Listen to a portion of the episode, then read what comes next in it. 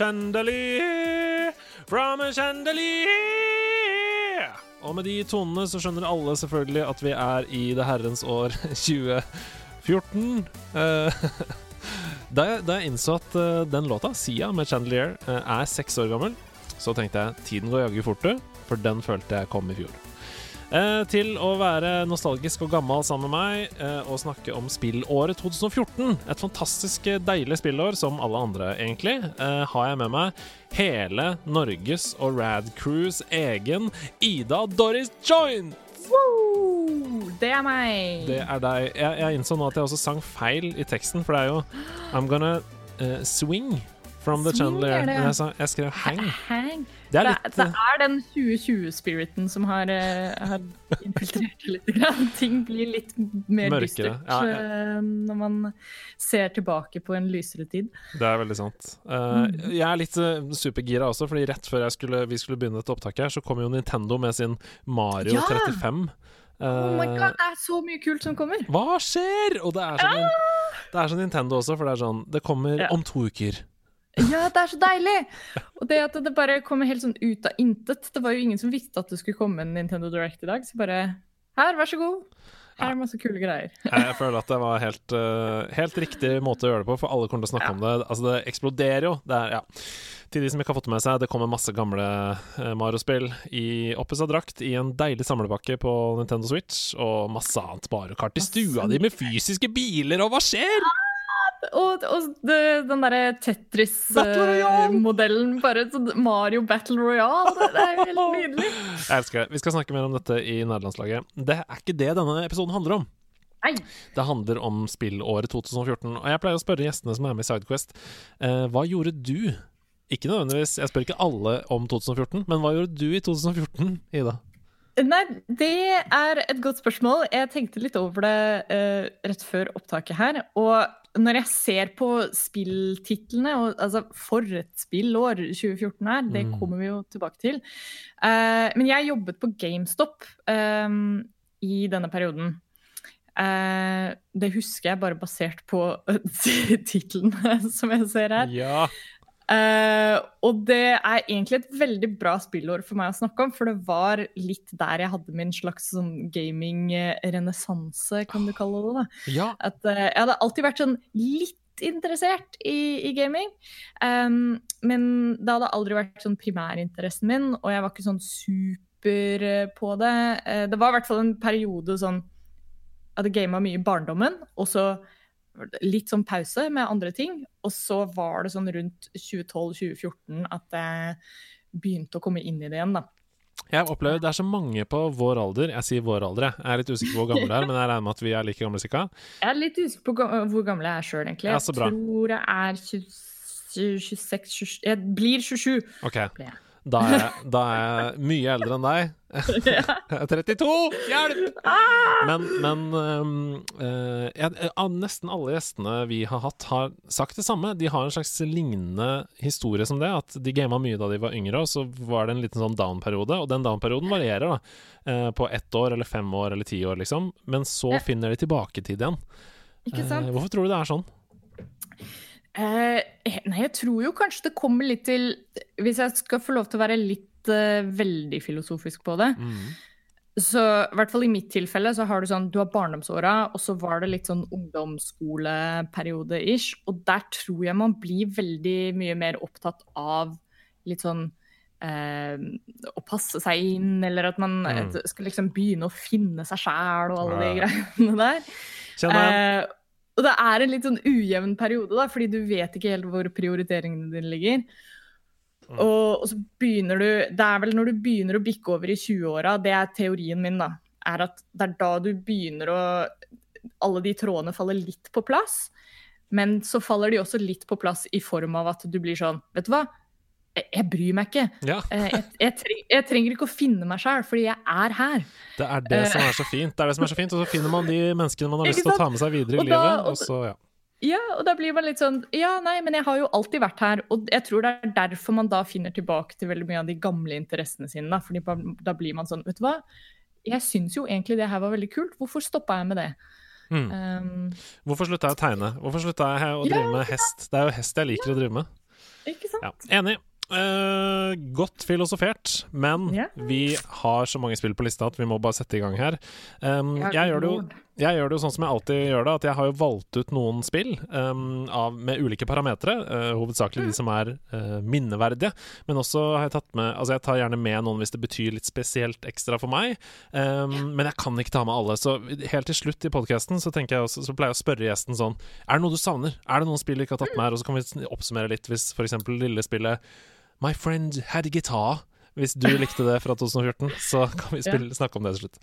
Absolutt. Ok, vi bare kjører i gang. Eh, 4. mars 2014 så kommer et spill som jeg hadde veldig store forventninger til, fordi selskapet bak eh, hadde stor erfaring med denne type spill, og det ble kombinert med en serie som jeg likte veldig, veldig godt. Jeg snakker selvfølgelig om South Park, The Stick of Truth.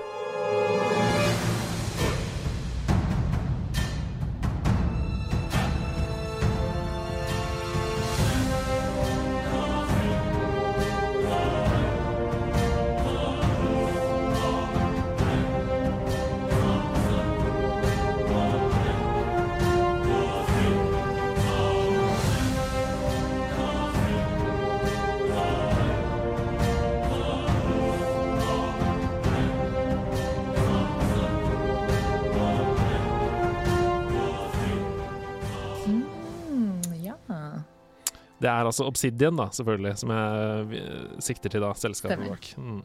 Har du spilt uh, The Secret Truth? Jeg har ikke spilt det sjøl. Eh, sett en del gameplay av det, og mm. sett andre spille det. Mm. Du kjenner godt til det. Kjenner greit nok til, det, vil jeg si. Åssen er du med mm, generelt sånne type RPG-spill som det? Jeg har litt sånn eh, elsk-hat-forhold til det. Mm. Eh, jeg syns det er et kjempekult konsept, og jeg, og jeg liker en del av uh, gameplay-mekanismene som går igjen i, i de fleste RPGs. Uh, men jeg personlig jeg har så lite tålmodighet eh, som regel til sånn her type spill. Ja. Eh, jeg er vel klassisk en av de folka som er sånn man må komme seg litt over den, eh, de første par timene kneika. Mm. Eh, og hvis jeg ikke klarer det, så har jeg en tendens til å gi opp. Eh, som er veldig ugreit, fordi jeg, jeg vet jo personlig at det er sånn Ja, jeg syns jo det er gøy å spille RPGs når jeg først kommer inn i det. Mm. Men det er jo, som du sier, da, det er tveget sverd, for det er jo turn-based. Eh, Ja. mange, mange av kampene ligner på hverandre, sånn som de gjør i alle RPG-er. Sånn som Pokémon, Mm. sånn som Final Fantasy, sånn som Nino Kuni, for så vidt. Eh, det er vel Ikke så turn-based, egentlig, men, men ehm, eh, man gjør ofte de samme tingene. Det er det jeg sier i combaten. Ja. Eh, og hvis man ikke finner glede i det Jeg, jeg syns jo det er veldig deilig og avslappende å trykke på de samme knappene og gjøre de samme tingene og bli litt sterkere, Jeg- litt raskere. Jeg Ja. liker, det, jeg liker det hvis det Jeg har alltid sagt det at jeg er ikke så veldig glad i spill hvor jeg må drive og styre rundt i masse menyer hele tida. Mm. og, og da er RPGs et dårlig valg, som regel. Um, men det finnes jo en god del RPG som har veldig sånn eh, balanserte kampsystemer. De har Mm. noe for enhver, da. De Ja. har et kampsystem som du kan bli skikkelig nerd på. eh, men som samtidig går det an å spille det ved å bare være litt sånn Ja, jeg vet ikke helt hva jeg gjør, men jeg får det til. Mm. Um, og det er som regel de RPG-ene jeg, jeg koser meg mest med. da. Altså, The Stick of Truth, for å snakke litt konkret om det, det handler jo om da denne South Park-vennegjengen som vi kjenner fra TV-serien, i den fiktive byen South Park i Colorado.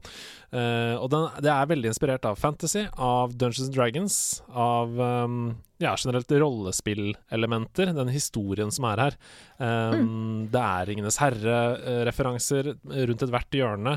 Uh, det, er, det er Du velger forskjellige klasser. Uh, du kan velge mellom fighter, uh, thief, mage, eller da selvfølgelig Jew, som er den siste klassen du kan velge. Uh, Yep. ja, skrevet av Trey Parker og Matt Stone, som alle kjenner fra De har jo ganske sånn sjuk humor, og kommer Mm. unna med en del ting, da. Mm. Men altså generelt så syns jeg spillet er Det er kjempegøy. Uh, jeg syns det er gøy å spille, og humoren sitter for meg, da. Jeg syns ikke det er sånn Det Mm. kan fort bli sånn platt og flatt hvis man går for all in på en type humor. Ja. Um, men jeg syns ikke det går over grensen i Stick of Truth. Um, jeg syns kanskje de går litt lenger over grensen i oppfølgerspillet. Det er det jeg også har hørt. Mm. At um, at det var der det falt litt flatt. At det var liksom Det var ikke like balansert i humoren, om du vil, da. eh, Nei. det. Det føltes også litt rusha, og så er det sånn Ja. ja, Det føles som de har tatt en del ideer fra uh, Stick of Truth uh, som ikke kom med, og så putta inn der. Det er ikke noe dårlig Mm. spill, det er mange som foretrekker det andre også, men jeg syns det blir litt for barnslig, og litt for sånn Ja. litt for mye bæsj, da, for å si det sånn. Eh, Skjønner. Men i Stick of Truth, det er kjempegøy. Jeg elsker fast travel-systemet. Det er en selvfølgelig Timmy som kommer Ja. kommer med sykkelen sin og sykler der rundt. Um, veldig, veldig gøy. Og generelt så er det bare Det er en fin historie, det er morsomt å spille, det blir gradvis vanskeligere. Og det er liksom ikke Det er ikke så øh, tynt som man kanskje kunne tro, da, i overflaten. Mm. Og så er det jo den uh, fantastiske kontroversen hvor det er en scene i spillet hvor um, faren til Stan, er det, eller faren til Jeg husker ikke hva han heter. øhm, Blir probet med av liksom en Ja, han, han blir subject to al- anal probing, som det står her. Yeah. Uh, og det ble jo banna i EU. Ah. Um, I flere, i hvert fall, øh, territorier i EU. Så hver gang de scenene kom, eh, Ja. så kom det en svær plakat på skjermen av et EU-flagg. eh, og en eh, statue som holder seg foran fjeset, sånn face palm. Og så står det 'You lose again, Europe'. og så Og det her, det, det her visste jeg ikke, eller så har jeg bare glemt det. Det, Mhm. høres sånn vagt kjent ut. Men, Og så eh, i hver gang det kommer, da, så beskriver på en måte spillutviklerne alt som skjer i scenen, i tekst i scenen. ah. Så, så det står This scene where you try to disable the force field around Randy Randy var selvfølgelig navnet. But mm. instead accidentally force the probing machine next to him to probe his ass with violent force is not meant for your eyes. Åh. Eh, så ja, de, de kom seg unna med det med å bare beskrive hele scenen veldig grafisk istedenfor å ha den med. Ja, Spenstig. Ok, fra um, et RPG i South Park til en helt annen sjanger og et helt annet spill. Jeg er litt usikker på om utviklerne skjønte hvilken suksess de satt på da de launcha dette. Men 11. mars 2014 så kommer spillet som har forandret seg mang en gang siden det, men som fortsatt er stort og levende. Jeg snakker om Heartstone.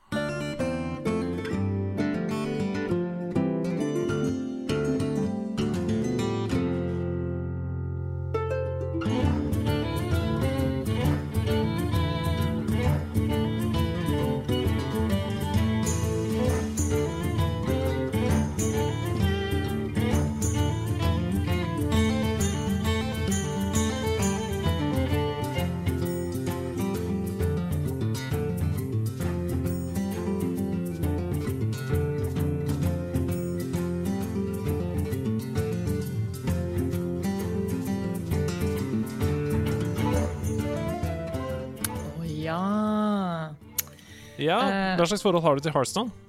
Heartstone var eh, min første sånn ordentlige intro... Det var første gangen jeg lagde en Blizzard-account, Ja! for det første. Jeg ja, òg! Ja! Eh, Jeg hadde aldri Jeg havna aldri på noe sånn World of Warcraft-kjør eller, eh, eller sånt. Men Og jeg husker ikke hvorfor jeg begynte å spille Heartstone heller. Jeg tror det var litt fordi jeg hadde nettopp eh, Jeg lurer på om det var fordi jeg var i en sånn periode hvor jeg så etter spill og spille på iPaden. Mm. Uh, og var litt sånn Ja, det er bare sånn kjedelig mobilspill her, liksom. Og det her var rett rundt når Hearthstone Så det var nok bare et veldig heldig sammentreff. Mm. At uh, Uh, Og så er det jo veldig gøy, da. så, Mm. så bare etter, etter én match så er du hooked, liksom. Det var akkurat det Det er nesten akkurat den samme historien jeg hadde. Um, Mm. Det var helt tilfeldig at jeg datt over det. Jeg, jeg kjente jo godt til Blizzard, jeg kjente til World of Warcraft, men Mm. jeg har alltid vært på en måte pirra av det universet. Jeg er jo veldig glad i den typen historiefortelling. Den episke, store fantasy-historier. Men så er det sånn World of Warcraft ble for svært å begynne med, da. Jeg hadde egentlig aldri noe gaming-PC heller. Så Nei, da jeg liksom skjønte sånn OK, kortspill, det liker jeg jo godt. Uh, og her kommer det et kortspill med karakterene derfra, og jeg vet jo hvor gode de er på å fortelle historier i Blizzard. Så ble jeg litt Mm. sånn Ja, så bare var det tilfeldig at jeg lasta ned, og så var jeg fullstendig kjørt etter det. Ah, nei, men uh, for å fortelle litt om hva Hearthstone er, da, for de som ikke kjenner til det. Nå har vi snakka mye om det i uh, nerdelandslaget, men Hearthstone er et collectible card game. Og det foregår på den måten at du, litt som Magic the Gathering, for de som har et forhold til det. Uh, du samler på ulike kort som gjør ulike ting. du velger deg en hero som du, du bygger en kortstokk med, og så skal du bruke den kortstokken til å slå en annen hero sin kortstokk, på en måte. Ja. Enkelt og greit. Enkelt og greit. Og det er veldig, som du sier, det er veldig avhengighetsskapende. Ja. Det er så polished. Veldig. Og det, det, her jeg føler Det går også litt tilbake til det som jeg nevnte med RPGs. At jeg føler at systemet i Hearthstone er veldig lagt opp for sånn Du kan spille det uten å vite hva du holder på med, egentlig. Du kan mm. liksom bare kaste ut noe kort og se hva som skjer. Mm. Og du kan også være veldig strategisk og veldig god i det. Mm. Um, og så har du det like gøy uansett, på en måte. Mm. det som er så... Kanskje en av de strategiene som gjør at du vinner litt mer, men ja. Det som er så gøy med, med Hearthstone, er jo at dette var jo første gang, i hvert fall i stor uh, Hva skal jeg si, i hvert fall i stor kommersiell eh, sammenheng, da, at et collectible card game ble digitalt. Ja. Uh, og det som er fordelen med et digital versjon kontra en fysisk, sånn som uh, tradisjonell Magic, da, det er jo at man kan endre kortene. Ja. Eh, fordi man bare gjør det i koden, og så plutselig er de annerledes. Ikke sant. Mens Magic the Gathering, det er jo printa kort, og alternativet da Litt statisk, liksom. Ikke sant. Alternativet da er å banne kortet. Mm. Hvis det, man innser at det er overpowered, f.eks. Ja. Um, når det er sagt, nå blir det veldig sånn kjerne her, så er det jo sånn at uh, utviklerne har fått kritikk flere ganger fordi det kanskje fører til at de ikke tester kortet nok før de releaser det, fordi de vet at ja. de bare kan endre det i ettertid. Uh, mens Magic gjør jo det. Veldig grundig testing. Ja. Mm. Jeg, vil jo, jeg, vil jo, slå et slag for det at liksom, ja, selvfølgelig er det viktig å få testa ting ordentlig, men det at man har den muligheten til å endre det, det gjør jo også egentlig at det blir litt morsomt å gå tilbake til det som spiller òg. Mm. At du, du, må på en måte endre spillestilen din i sam, samsvar med kortene også. Mm. Eh, så det blir, som, det blir, jo som, en form for nytt content hele tida. Ja. Og apropos nytt content, det har jo kommet uh, helt insane mye content i det spillet. For det første så slippes jo expansions og adventures osv. Uh, veldig ofte. Um, jeg sitter med en liste her nå, jeg, jeg orker ikke å telle, men det er er det over 30 da, uh, på den lista? Utvidelser. Uh, og da snakker jeg også om alle de som er planlagt for 2021 og 2022. Um, så det skal langt, langt uh, følges opp inn i fremtiden, dette. Det er ingen planer det er, det, er, det er det som er ekstra gøy med Hearthstone. Har, Hearthstone for meg har gått litt i, i bølger. Eh, perioder hvor jeg har spilt det veldig mye, og så perioder hvor jeg bare har glemt det helt. Og så kommer jeg tilbake, og da er jo alt nytt. Ja. Alle kortene jeg kjente til, er jo ubrukelige. Og, um, så det blir som å gå tilbake til et nytt spill hver gang, på en måte. Mm. Uh, eller du må, du må liksom lære, lære, noe hver gang du booter det opp. Da. Og mm. det, det er veldig morsomt. For nå, de som liker sånt. Og nå er jo spillet fullt av helt vanlig Hearthstone-spilling. Eh, noe som heter Wild, hvor du kan bruke alle kort. Du har Arena, hvor du kan drafte deg et dekk ut fra noen valg. Du har mm. Battleground, som er en helt egen autobattler-modus. Og du har ikke minst Tavern Brawl, som er en ukentlig gratis eh, event, ja. hvor du kan få gratis kortpakker og masse gøy. Det er veldig moro. Så det er fullt av content. Eh, hvis du ikke har prøvd det, prøv det. Vi må yes. videre. Eh, jeg mistenker at du har spilt dette.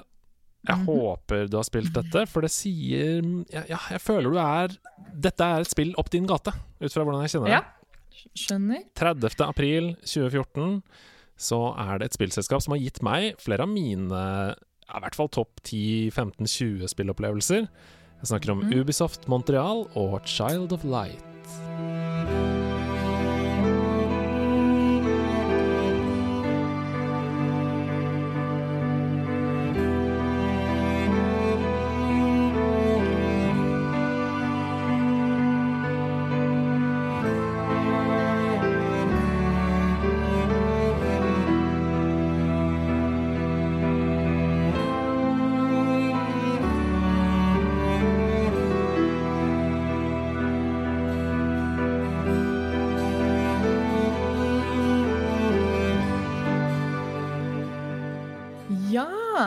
Du, vet du hva? Det har jeg Jeg begynte på det, men jeg har ikke spilt det ferdig. Samme her!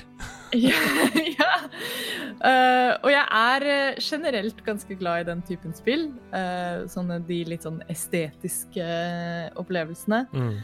Um, men jeg tror 2014 var året for altså Som vi kommer inne på, det er så utrolig mange bra spill som kom ut det året her. Og da, da ble, gikk det litt sånn i rykk og napp eh, på, på enkelte spill at hvis du starta noe uten å gjøre det ferdig, så var det fort gjort at det kom noe annet og tok over.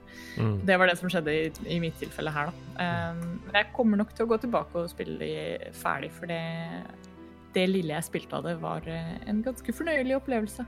Mm. Ja, det var jo eksklusivt først, vel, på PlayStation, hvis jeg ikke tar helt feil. Det kan godt hende jeg tar helt feil.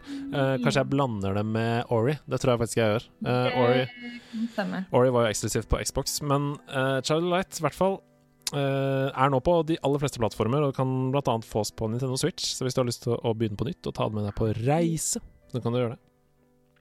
men kan ikke du fortelle litt om spillet?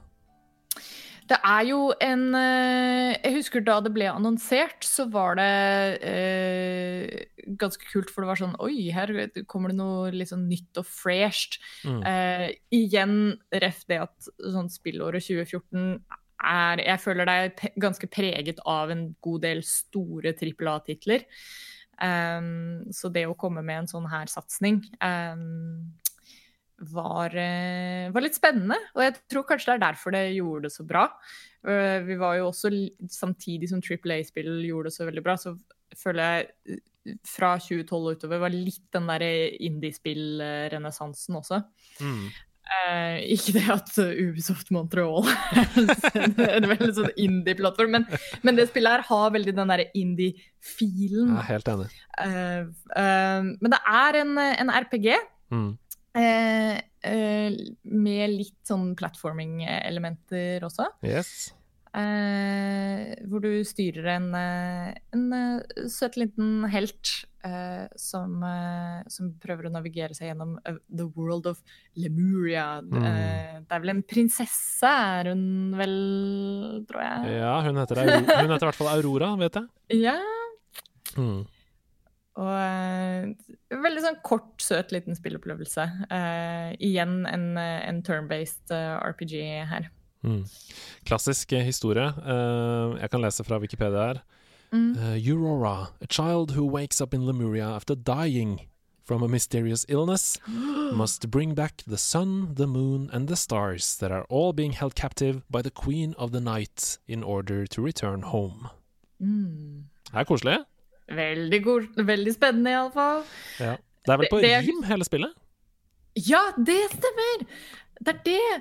Og, og jeg husker så godt også eh, den estetikken som er i det spillet, her er jo helt nydelig. Alt er sånn Det ser ut som sånne akvarellmalerier. Mm. Eh, og ja, det er bare en sånn fryd for øyet å, å spille det. Mm. Um, ja, det, for de som liker Ori and the Blind Forest, så ligner det mye. Mm, altså, det, det, er uh, fantastisk musikk, nydelig, mykt univers som du lever deg inn i. Uh, eneste forskjellen er jo at dette er jo turn-based eh, combat, um, men ellers så mm. er mye av det på samme måte. Og det er en veldig fin opplevelse. Jeg har som sagt aldri fullført det, men jeg har veldig lyst til det. Ja. OK, vi går videre. Mm -hmm. uh, 29. mai i Japan, og bare et par dager etterpå i resten av verden så kommer det beste spillet i denne serien. Uh, og jeg skjønner ikke nesten hvordan de skal toppe dette spillet noen gang. Jeg snakker om Mario Kart 8.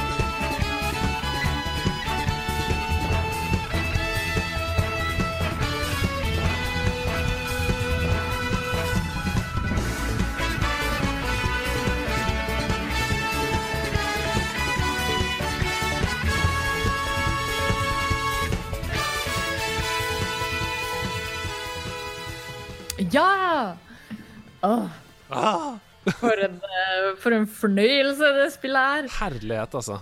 Eh, altså. Det kom jo på Wii U først. Ja.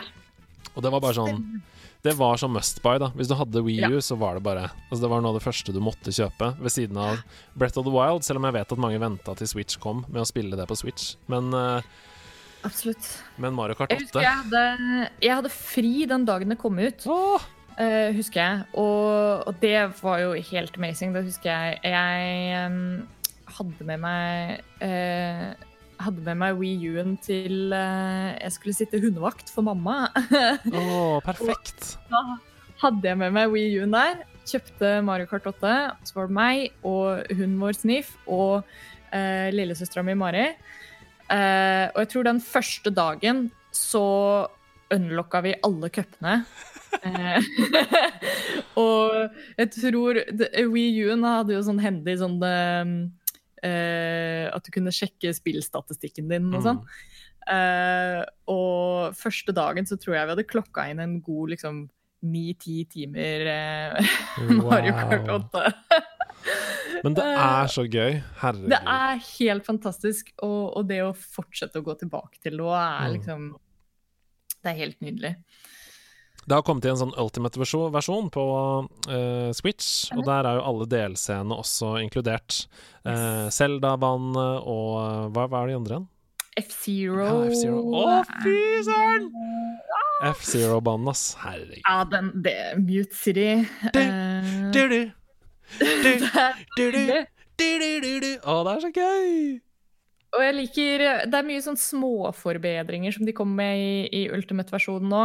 Eh, ting som jeg syns er veldig kult sånn eh, inklusivitetsmessig, da, og moro for unga. At du har sånn autostyring Ja, og autoakselerasjon og sånt, som gjør at det er litt enklere å liksom få med seg de aller minste da, eh, på moroa. Mm. Det er gøy. Eh, Mario Kart 8 er det bestselgende Wii U-spillet. Ja, det, det, er kanskje ikke så rart. Og selv om det ikke var så veldig mange som kjøpte seg en Wii U, fordi mange trodde det bare var en oppgradering av eh, Wii, mm -hmm. eller en expansion eller noen sånne ting, så uh, solgte det altså over åtte millioner kopier uh, på Wii U. Jeg husker jo det, ref, jeg jobbet jo på GameStop på dette tidspunktet, og jeg tror aldri jeg har solgt så mange Wii Us som i den perioden. og, og det er litt sånn Nintendo har jo litt rykte på seg å være, ikke være så flinke med sånn supply og demand. Mm, ja, ja. ref liksom eh, GameCube-kontrollerne til Wii U Mm. var jo sånn severely underprodusert, og, og mange andre instanser. Og, eh, men her, med Mario Kart, det husker jeg var første gangen eh, på GameStop hvor vi fikk tilsendt sånn helt sinnssykt mange kopier av spillet. Ja, ja. Eh, alle andre Wii U-releases var vi kanskje heldige hvis vi fikk fem av de, liksom. Wow. Eh, og, men her var bare hele skuffen full av Mario Kart 8. Ja, ja. Nei, det sier jo litt også, da, at det solgte 8 millioner på Ja. Wii U, men eh, det har solgt mer enn 26 millioner på Nintendo Switch, det samme spillet. Altså, det er jo ikke det samme, for det er en deluxe-versjon, så det er jo bedre litt forskjellige ting og sånn, men, men tenk på det, da. Hæ? Helt vilt. Det er altså Det står her på Wikipedia. Altogether, more than 35 million copies have been sold, making it one of the best-selling video games of all time. Ja. Det er og på vel fortjent. Altså, det er alle liker Mario Kart. Eh, Mm. Gjennom tidene. Ja, Eh, på, ikke el verst. på ellevteplass Mario Kart Wii. nice. Nice.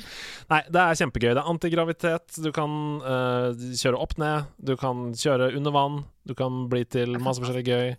Ja, nei, det er veldig gøy. Vi må bare hoppe videre. Ja. Uh, den 26. juni 2014 så kommer det et spill som jeg ikke forventa at skulle sette så preg på meg som det har gjort. Eh, jeg har runda det fordi det bare var en fest fra start til slutt. Um, ja, nei, jeg tror ikke jeg skal si så mye mer. Det er Shovel Night. Ja! Ja. Shovel Knight er vel eh, igjen tilbake til det jeg sa med den der sånn indie-renessansen. Mm. Uh, jeg følte Shovel Knight var ordentlig en sånn en, uh, skikkelig banebryter der på Ja, ja, at eh, nå nå er det liksom indiespill kult igjen, da. Ja, ja, og nå kan man Eller- liksom Nå eller kan en- det At indiespill ble litt mer sånn mainstream Ja, akkurat det. Nå kan det på en måte bli kommersielle suksesser også, uh, Ja. istedenfor å bare treffe en sånn nerve, liksom. Mm. Mm. Absolutt. Har du spilt det, eller har du spilt noe særlig? Jeg har spilt det. Eh, klart å liksom eh, streve meg gjennom det. Jeg er jo mm. ikke så veldig god i, i eh, litt sånn plattformaktige spill. Nei. Um, og det er jo ganske vanskelig til tider. Det er kjempevanskelig. Det er også måte av, Jeg føler at det er noe av poenget med det. da At det skal være litt vanskelig, for å gi en homasj til Megaman og de gamle eh, Ja, ja, ja. Absolutt. Du styrer altså en eh, ja, ridder med en eh, spade. Som eh, går fra A til B i ulike baner. Uh, noen ganger går det opp og ned, andre ganger går det fram og tilbake. Men det er jo en sideskrålende plattformer som er vanskelig. Uh, men det har også masse RPG-elementer. Du finner ting, du oppgraderer ulike ting. Du kan fiske etter penger og diamanter, uh, osv. Og, og alle bossene uh, slår du på helt ulike måter. De har på en måte en weak point som du må analysere og finne fram til. Musikken er helt fantastisk. Eh, ja. Grafikken og stilen er så gjennomført. eh, og alt som har kommet av DLC og annet innhold, er like bra. Så hvis du liker den type spill, så er det bare Det er fortsatt kjempe, kjempe, kjempebra, selv om det er seks år siden det kom. Mm. Tror- det, det spiller jo så mye på de retrokortene at det, liksom, det blir litt tidløst eh, mm. i den forstand. La oss hoppe videre til eh, Nå begynner på en måte trippel A-salaten å Mhm. renne ut her. Eh, og dette her føler jeg i hvert fall du har spilt. Jeg er litt usikker, men eh, jeg føler du har spilt det. Eh, 6.9.2014 eh, så kommer det en Hva skal jeg si? Eh, et game as a service som eh, lever i beste velgående enda. Som har fått masse ris, men også veldig mye ros. Og som uten tvil har greid det veldig mange andre sånne spill ikke har greid, nemlig holde på community sitt. Jeg snakker om Destiny.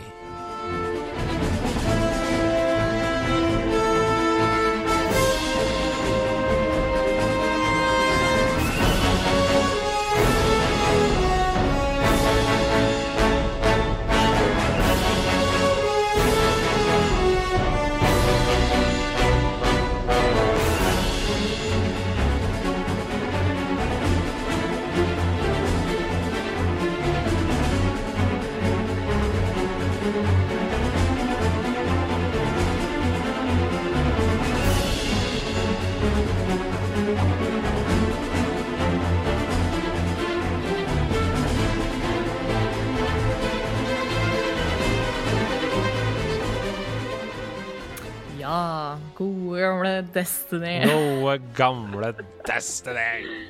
Woo! Uh, jeg har spilt uh, typ uh, Jeg tror jeg har spilt kanskje totalt tre timer Destiny i hele mitt liv. Eh, og jeg var dessverre en av de som de da liksom ikke klarte å holde på. Ja. Men, men det, jeg var jo ikke den eneste. Altså, første Destiny slet jo veldig i, i eh, første release-perioden. Mm. Eh, det var eh, mye hype, og kanskje litt vanskelig å leve opp til, i hvert fall med den aller, aller første releasen. Mm. Um, Jeg tror nesten de overlevde bare fordi det ikke var noen alternativer. Ja, ja. Men det er jeg helt enig i. Det her var jo liksom i uh, I skyggen av liksom releasen av PS4 så var jo folk litt sånn sultefòra på å ha noen kule spill som ordentlig kunne showcase hva PS4-en kunne gjøre. Mm. Og, og Destiny ble jo et av de spillene. Og, og Xbox One, for den saks skyld.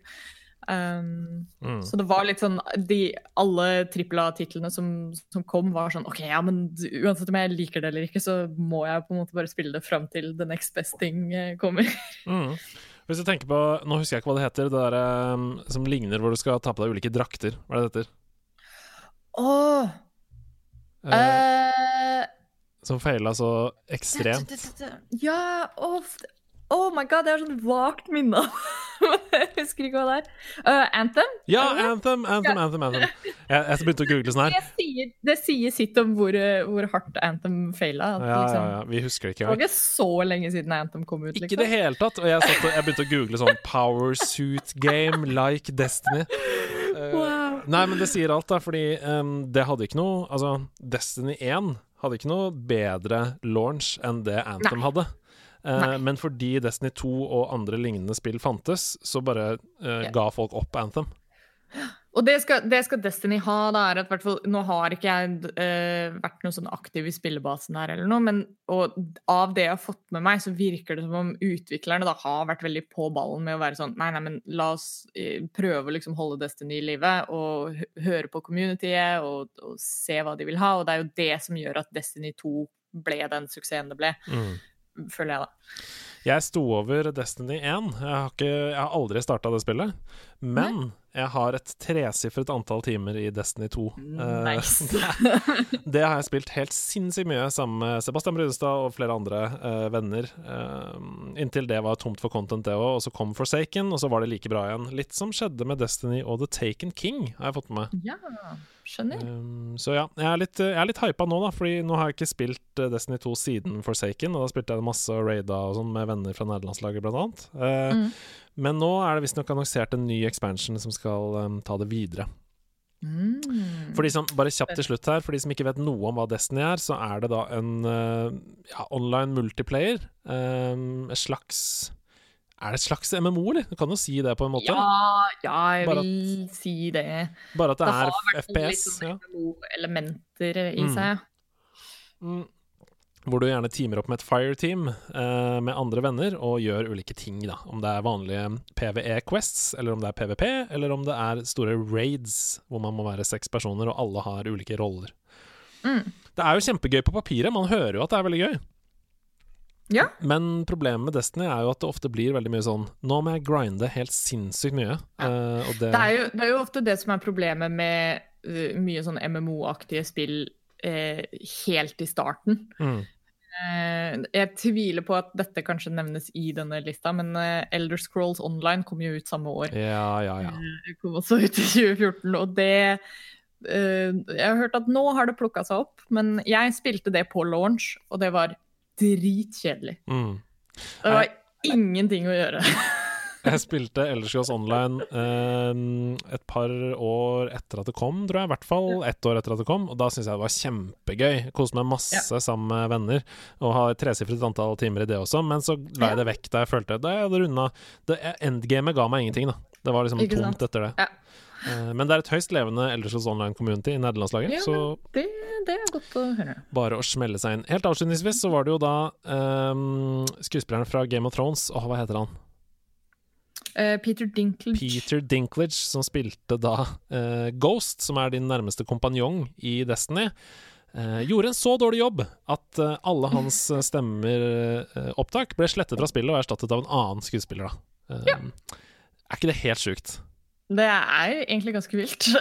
Tenk om det hadde skjedd i et annet husker det var sånn et av, et av liksom selling pointsene Ja. deres når de drev og lanserte det. Tenk om det hadde skjedd i et annet kulturuttrykk. At eh, ja, Si at eh, Mission Impossible hadde kommet da med Tom Cruise, og så hadde han vært på Ja. kino i to uker, og så hadde han blitt tatt av. Alle scenene hadde blitt spilt inn på nytt med en ny skuespiller. Og så hadde filmen blitt sluppet på nytt.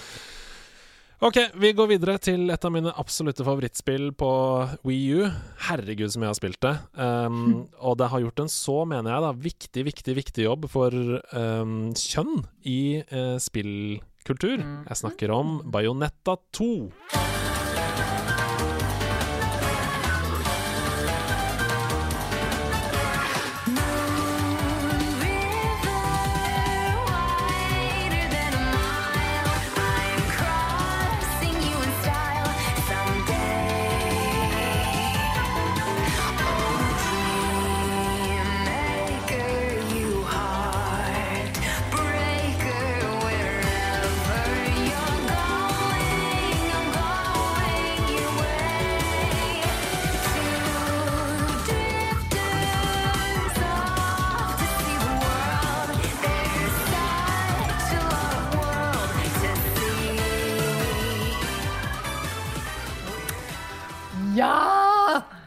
Ja! Oh. Det var, eh, det var mitt eh, kan, Jeg tror kanskje Hvis jeg ikke husker helt feil, så tror jeg vi kåra Bajonetta 2 til Game, Rad Crew Game of the Year.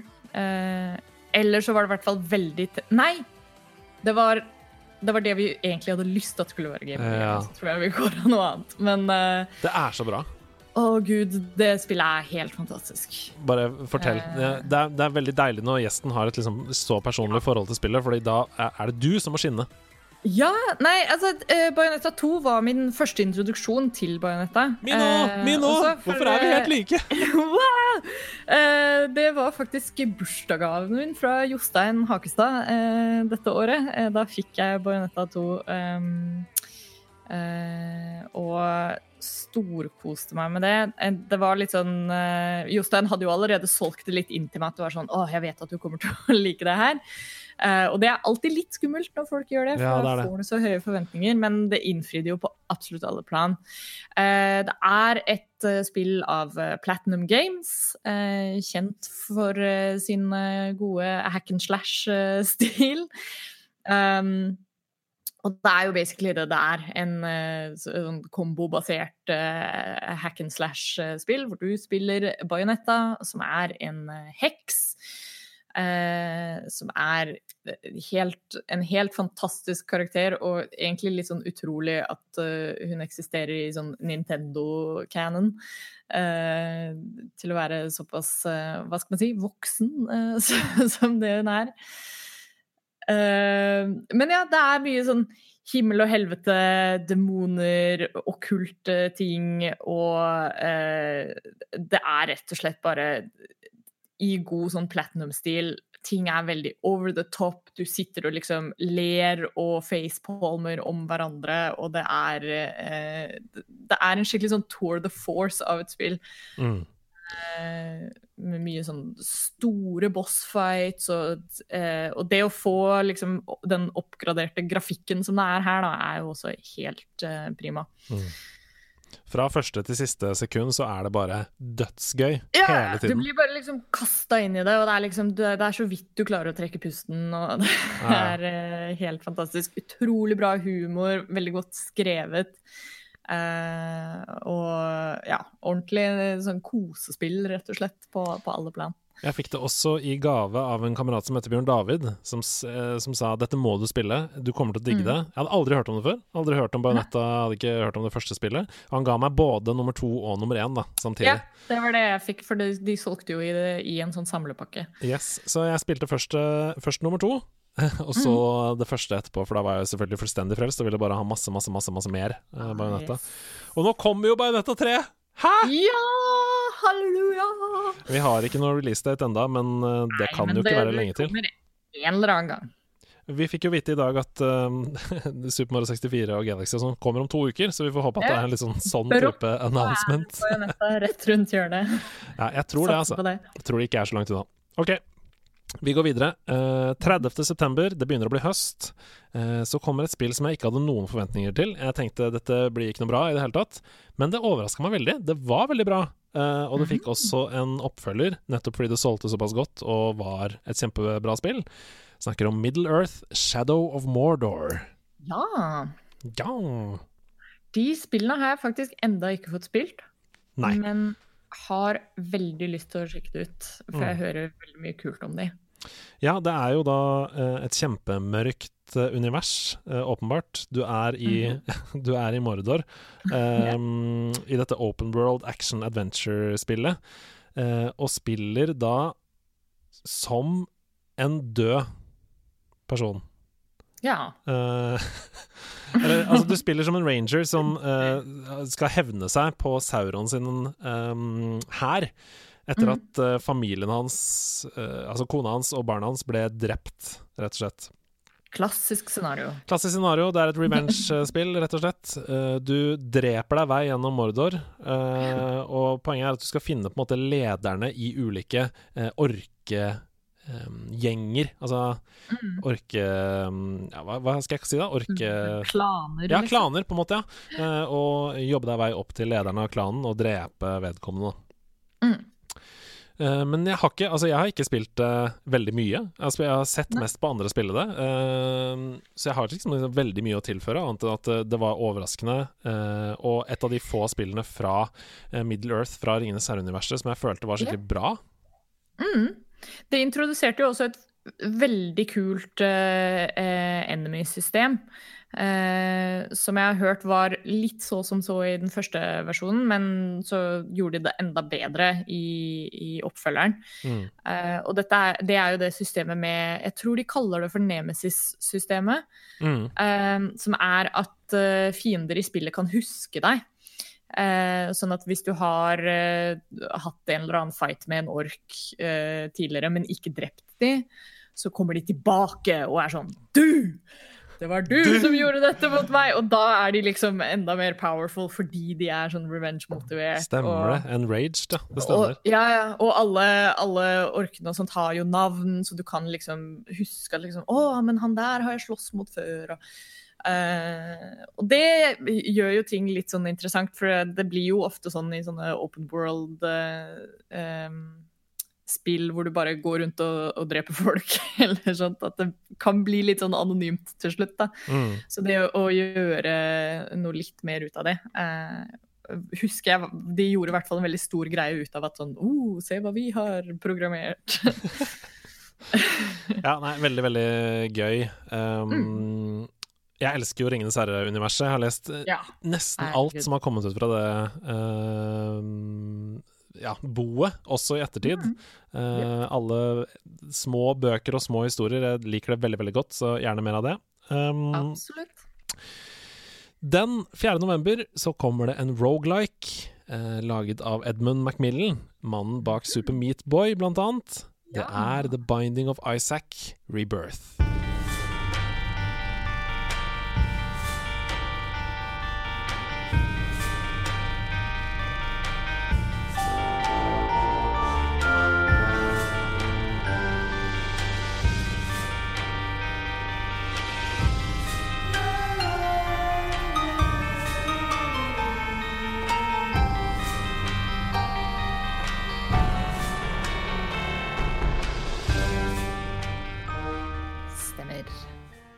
Hva syns du om The Binding of Isaac? Jeg syns det er dritvanskelig, og jeg kan ikke for the life of me klare å spille det. Det er dritvanskelig! Det er helt forferdelig. Det er en rogelike hvor du uh, styrer en karakter som uh, spawner i et rom. Uh, du får noen ulike abilities til å begynne med, eh, og så jobber du deg gjennom da, ulike rom hvor dørene stenger når du går inn. Du må drepe en del fiender, og så åpner de så du kan komme deg videre. Mm. Uh, underveis så samler du da forskjellige upgrades, så det er fullstendig RNG-basert. Um, så kan du på en måte klare Du kan klare å runde det, og da kommer du på en måte til neste uh, Hva heter det? Rebirth, da, på en måte. Ja. Uh, men det er permadeath, så hvis du dør, så må du begynne på første igjen. Ikke sant? Og det, det funker ikke helt for meg. Med mine skills. Nei. Det er vanskelig, men det er også veldig gøy. Uh, yeah. Og hvis man liker Hvis man er litt tålmodig og liker å prøve sånne rogelikes som det der, uh, og tenker sånn Ja ja, nå døde jeg, men det der var jo en kul bild. Mm. Uh, da tror jeg du får mye ut av det. Eh, Mm. For da ser man på en måte på hvert, eh, hver permadeath da mer som en sånn Ja, ikke som et setback, men mer som at nå har du lært noe nytt. Eh, Sånn er det jo også litt i Slay the Spire, dette kortspillet. Mm. Eh, Det er jo også permadeath, og man begynner på en ny seed, på en måte, men um, da har du lært noe som du kan ta med deg neste gang. Det er større sannsynlighet for at du greier det neste gang. Mm. Vi hopper videre. Eh, Jeg regner med at du har et par spill du har lyst til å snakke om til slutt som jeg ikke har gått gjennom også, så vi må bare Ja. speede opp litt. Um, Den 14. november 2014, det er det nest siste spillet på min liste. Jeg ville ta det med Ja. fordi jeg syns det sier noe om at spill kan være mye mer enn bare uh, spill.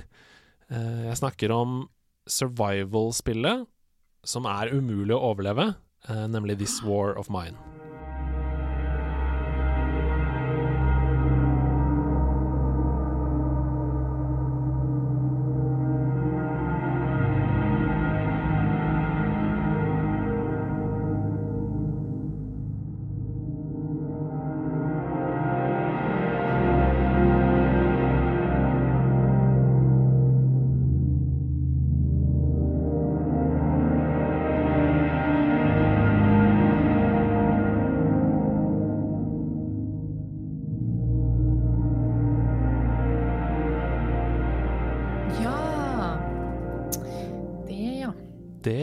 Det, er mørkt. Ja. Det er ikke er ikke så koselig, kan man si. Har du lyst til å fortelle litt om hva det går ut på? Uh, jeg har faktisk ikke spilt det. Uh, men jeg husker da det kom ut uh, Eller da de annonserte det, så var jeg sånn Å, dette må jeg spille. Men Mm. så gikk det meg egentlig helt hus forbi da det kom ut. Mm. Men det er jo Det er dette hvor du er um, eh, å, hva, skal man, hva skal man kalle den modellen? Det du ser liksom uh, flere rom i et hus. Mm. eh, Fallout Shelter-modellen. Uh, Ja, jeg skulle akkurat til å si det. Um, og så følger du jo en en, um, en gruppe med sivile Mm. i litt sånn fallouten av, av krig, da, og hvordan det påvirker livene deres. Mm. Eh, så det, det snur jo litt den eh, videospill-tropen på hodet. At liksom, det finnes jo så mange spill hvor du er eh, elitesoldat. eh, mens her så får du på en måte den andre siden av den mynten. Eh, hva er det som skjer med alle de sivile, mens, mens elitesoldatene driver og holder på med sitt. Mm. Det er helt riktig. This War of Mine er jo da eh, et spill som handler om den siden av konflikten. Eh, Mm. Hva skjer med de som ikke står midt oppi det, de som bare prøver å overleve. Og det er på mange måter et slags RTS. Eh, Ja. Fordi du er, du er eh, en gruppe mennesker i et hus eh, som skal overleve, som skal, må gå ut om natten for å finne mer ressurser. Eh, du skal oppgradere huset du bor i, med kanskje, en, kanskje du kan gro, ha en hage bak, eh, som gjør at du kan lage egen mat istedenfor å måtte stjele den fra andre. Eh, Men du må også ta valg. Hva skal du gjøre med mennesker som blir syke i husstanden din? Eh, Skal du kaste dem ut og la dem dø fordi det går utover fellesskapet? Eh, Eller skal du prøve å heale dem? Hva med de som kommer og ber om hjelp? Skal du slippe dem inn og risikere at de raner deg, eller skal du la dem være ute? Det er mange sånne eh, moralske Det liksom avgjørelser. som en litt, det er liksom som en litt sånn større, mer kompleks versjon av Papers, Please. Ja, helt riktig.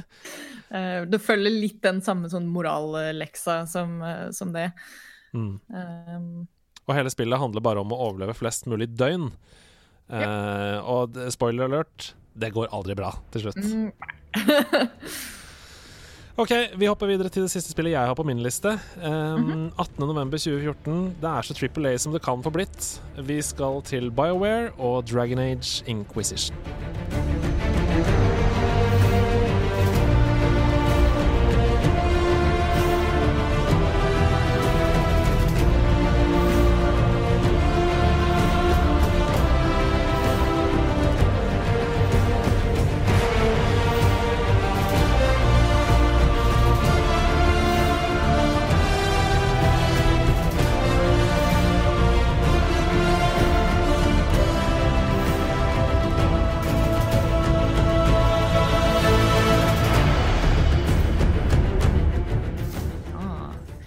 Har ikke noe forhold til Dragon Age-serien i det hele tatt. Ikke jeg heller! Woohoo! God stemning! Men, uh, men jeg, av det jeg har hørt, da, så er dette spillet er jo en, i, Jeg vil si i god Bioware-stil så er det veldig splittende for Mhm. mange. uh, hva de syns om det spillet er. Mm. De som trykker det til uh, sitt bryst, de gjør det jo så veldig òg, da. Um, Mm.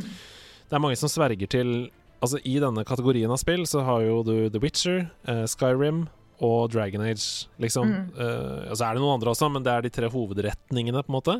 Um, og Dragon Age-spillerne føler jeg bare det, det er ikke snakk om, det er ikke en diskusjon engang om hvilken hvilken som er best av de tre eh, retningene. Men eh, har, du, altså, har du spilt eh, noen, av- noen av spillene i serien? Eh, jeg tror jeg begynte så vidt på Dragon Age 2 mm. eh, en gang for sånn kjempelenge siden. Mm. Men ikke, ikke fortsatt noe på det. Nei, Inquisition er jo da et uh, stort spill som ble veldig godt mottatt da det kom. Og det er klassisk sånn uh, ja, action-RPG. Eh, du kontrollerer en hovedperson og companions som du møter underveis. Du kan drepe folk med sverd, med magi.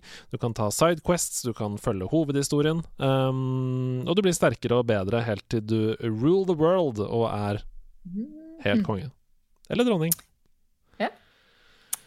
Det var lista mi. Er det noen spill Ja. du savner? Jeg har et par stykker, altså. Kjør! Altså, 2014 var jo et helt uh, crazy Det var det, gaming det var det. Um, jeg trekker fram et par stykker litt sånn på rappen. Ja. Eh, eh, jeg husker i hvert fall eh, Wolfenstein, The New Order. Absolutt. Det, det røyk i siste runde her på min. Det, men det er en honorable mention. Et dritfett spill. Eh, kult eh, å se, se Wolfenstein i litt sånn skikkelig oppussa grafikk også. Mm. Um, Fun fact. ja. Da jeg kjøpte gaming-PC fordi Stian tvang meg, eh, så var det det første spillet jeg spilte på liksom ultragrafikk. Bare for å se hvordan man kunne Nei. spille på Ja, PC. Jeg, jeg også! Nei! ja! Eh, jeg kjøpte meg Eller det var i hvert fall et av de første spillene som, hvor jeg var sånn herre Å ja, ja, jeg har kjøpt en ganske ålreit PC. Veldig gøy. Jeg husker ikke hva første spillet jeg boota opp var, men jeg husker i hvert fall den intro-cutscenen, dog uh, at den er pre-rendered. Mm. Uh, så, så husker jeg i hvert fall at jeg var sånn hm, Ja, nei, men dette var verdi for pengene. Ja, fy søren, altså. Jeg digga det som mad. Ja. Oh, yes. Eh, en annen honorable mention. Jeg syns dog at oppfølgeren er bedre, men, eh, men eh, første Titanfall kom jo ut Ja. i 2014. Og nettopp derfor så unngikk jeg å tale med, for vi Ja, kommer til å snakke om sant. Titanfall 2 når den tid Ikke kommer. sant? Og da kan man ta det da, men i hvert fall en, en god, en god Et godt liksom forfriskende innpust i, i FPS-sjangeren. Veldig. Og altså, vi hadde jo aldri fått Titanfall 2 uten Titanfall 1, så Nei. ja. Eh, men jeg har særlig to spill som jeg har lyst til å trekke frem litt ekstra. Uh, egentlig et tredje, men jeg tror det sier litt seg sjøl. Uh, jeg vil bare kjapt nevne at eh, Metal Gear Solid 5 Ground Zeroes eh, kom ut i 2014. Og det er jo ikke så mye et spill som at det er eh, bare uh, prologen til Metal Gear Solid 5. Mm. Uh, så derfor kan man kanskje ikke nevne det sånn helt. Uh, men det er to spill som Ett som kanskje mange kjenner til, og ett som kanskje gikk folk litt sånn hus forbi. Det første er jo da Alien Isolation. Yes.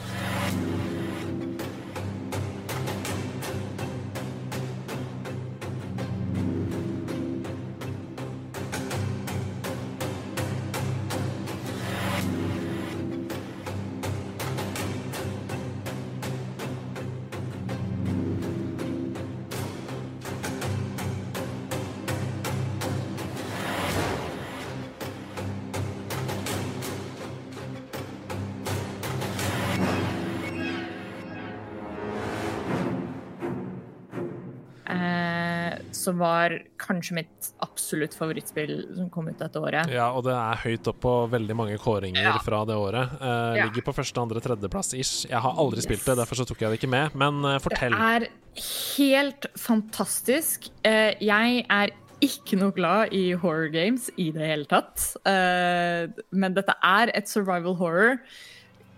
Klassisk litt sånn derre eh, Følger litt i den derre amnesia-ånden. At det er Mm. sånn Du, du kan ikke uh, Du kan ikke Det er ikke noe fight-system.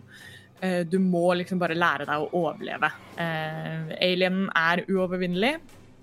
Eh, Så du må, du må navigere denne verden eh, ved å gjemme deg og snike og, og eh, rett og slett bare bruke ressursene du har.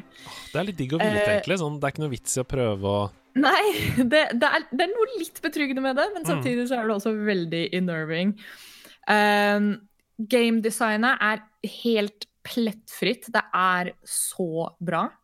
Uh, alt du gjør i spillet gir liksom mening. Uh, interfacene og UI-en og sånt er helt konge. Og det er sånne, det er sånne småting som gjør at opplevelsen blir så sykt immersive. Um, blant annet én ting er um, eh, Save-systemet er eh, litt sånn old school at du kan ikke save når som helst. Du må finne checkpoints. mm, Liker det. Uh, og, og det å eh, Det husker jeg når vi oppdaga det, da var jeg sånn Oh shit! eh, de har tenkt på alt i det spillet her. Eh, fordi det tar litt tid å lagre på et checkpoint, fordi du er jo Det er jo mm, All teknologien i spillet og sånt er veldig sånn in universe, sånn som den er i Alien-filmene. Mm, Så alt ser litt sånn retro 80-talls ut. ikke sant? Eh, og for å save så du, liksom, du finner noen sånne telefonkiosker på en måte, som du må stappe en sånn kassett inn i uh, for å liksom eh, logge noe på recorden eller et eller annet sånt. Det er sånn du saver. Det er en liten animasjon som tar litt tid uh, for å save hver gang. Det tar vel en rundt liksom, 10-15 sekunder. Å, shit. Det er jo helt krise.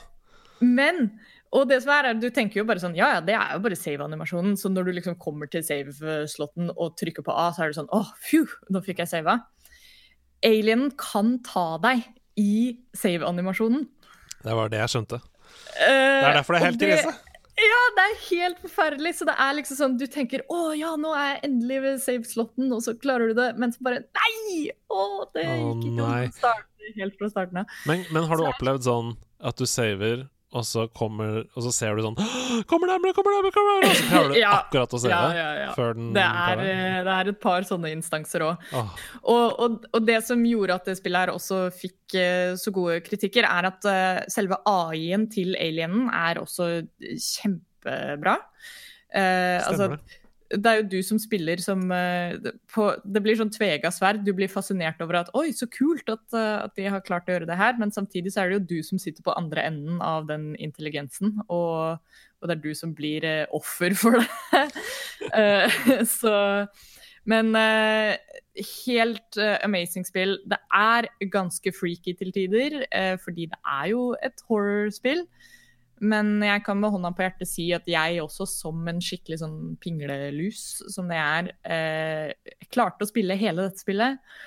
Dog med litt hjelp av venner. Eh, eh, men det er en, en kjempebra spilleopplevelse. Um, Fy søren, jeg, jeg, må spille. Ja, det, det, jeg tror du må det. det. Og nå er det på så mange plattformer at man kan bare uh, kose seg med det. Uh, for de som fortsatt har uh, Kinecten til sin Xbox One, wow. uh, så, så, er det også en ganske artig funksjon i spillet her, hvor du kan koble opp Kinecten, som da gjør at mikrofonen på Kinecten blir aktiv, og alienen kan høre in real time. Nei, nei, nei. Så hvis du liksom skriker eller noe sånt i eller, oh, shit! Eh, snakker i stua di, så hører alien det og, og kan liksom finne deg. Da. Søren. Vi, vi, gjorde det en gang eh, når jeg hadde et par venner på besøk. Og det å liksom sitte fem stykker i et rom Og prøve å være stille. og, og, prøve å være stille. Ikke noe sånn backseat-gaming eller sånt. Det ble mye sånn peking og veiving. Og hvis noen så alienen og noen andre ikke gjorde det, så var det sånn ah, det, det var uh, det høres helt fantastisk ut. Kan anbefales. Uh, siste jeg vil nevne, da, som jeg nevnte, et, et, spill som kanskje gikk mange litt hus forbi. Um, det var faktisk en launch-tittel til Xbox One, tror jeg. Ja. Eller det var i hvert fall en av de sånne første um, Det ble liksom advertisa litt som en sånn oh, det her er det spillet du må ha på Xbox One. Um, men så tror jeg det ble glemt relativt fort. Um, utviklet av Insomniac Games, faktisk. Oi. Eh, det er Sunset Overdrive.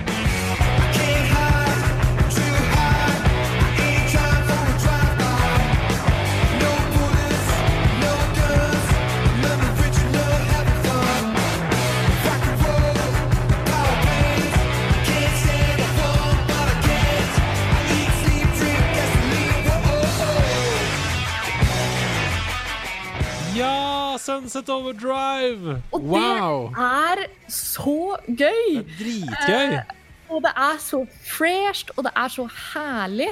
Um, og uh, det er skikkelig leit, egentlig, at, uh, at, det ikke fikk noen sånn ordentlig suksess. Fordi jeg spilte det igjen her for et, for et par måneder siden, faktisk. Mm. og det holder seg egentlig ganske greit. Har mm. veldig sånn cheesy eh, Hva skal man si? Jeg vil si at det har litt den derre 2008-humoren. Litt sånn ja, ja. Spike, Spike, TV, litt sånn eh, eh, Litt sånn derre ungdomsskolegutta-humor. Ja, um, men det er så fargerikt, det er så fresht, og, og det er eh, rett og slett en veldig sånn morsom spillopplevelse. Mm. Uh, det er en action adventure shooter. Mm.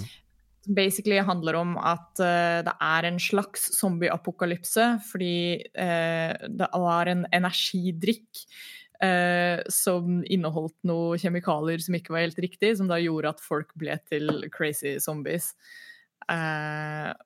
og det er bare en fryd å spille det her. Det er litt sånn Jeg vil, jeg vil sammenligne det litt med selv om jeg ikke har sånn veldig mye forhold til det, men estetisk så minner det meg veldig mye om, om Borderlands. Mm. For meg så er det eh, Bare at det gjør mer sin egen greie. Ja. Grunnen til at jeg syns det var så gøy, er fordi det, det, er alle de tingene du snakker nå, om nå, mm. også fordi det kombinerte for meg eh, Borderlands og Tony Hawk. Ja! Oh my god, ja, for det har det derre railing-systemet ja! Som er sånn dritfett. Det føles jo skikkelig som Tony Hawk. Ja, det, bare... er uh, nettopp det det gjør. Det spiller på masse sånne gode nostalgia-tripper. Ja, ja, og visuelt også. Og uh, Hudden mm. med minimappen nedi hjørnet. Jeg bare følte skikkelig sånn. Shit, nå spiller jeg jo et moderne Tony Hawk, liksom. Bare med skyting. Absolutt. Mm. Ja, det er eh, et veldig artig spill og kan anbefale alle som har en For jeg tror det fortsatt kun er tilgjengelig på Xbox Ja, nei, nå er det vel tilgjengelig på Windows også, tror jeg, gjennom eh, GamePass. Det stemmer, det kom i 2018, eh, tror jeg, ja. faktisk, på Windows. Så alle som har PC eller Xbox, absolutt uh, anbefaler å sjekke ut det hvis man, hvis man har noe sånn forhold til, til Tony Hawk eller litt sånn artige spill, så Eh, er det mitt lille kjærlighetsbrev til, til Sunset Overdrive. Ida Doris Joint, du er en legende. En prinsesse. Ikke Tusen verst, bare det. hjertelig takk for at du var med i eh, Sidequest. Setter utrolig stor pris på det. Det skulle bare mangle. Eh, så nå må du si ha det til alle de som hører på, da. Jeg sier ha det til alle som hører på, og eh, sjekk ut uh, Hvis dere vil høre mer av stemmen min, så finner dere meg på Radcrew Podcast. Sjekk det ut! Ha det! Bye!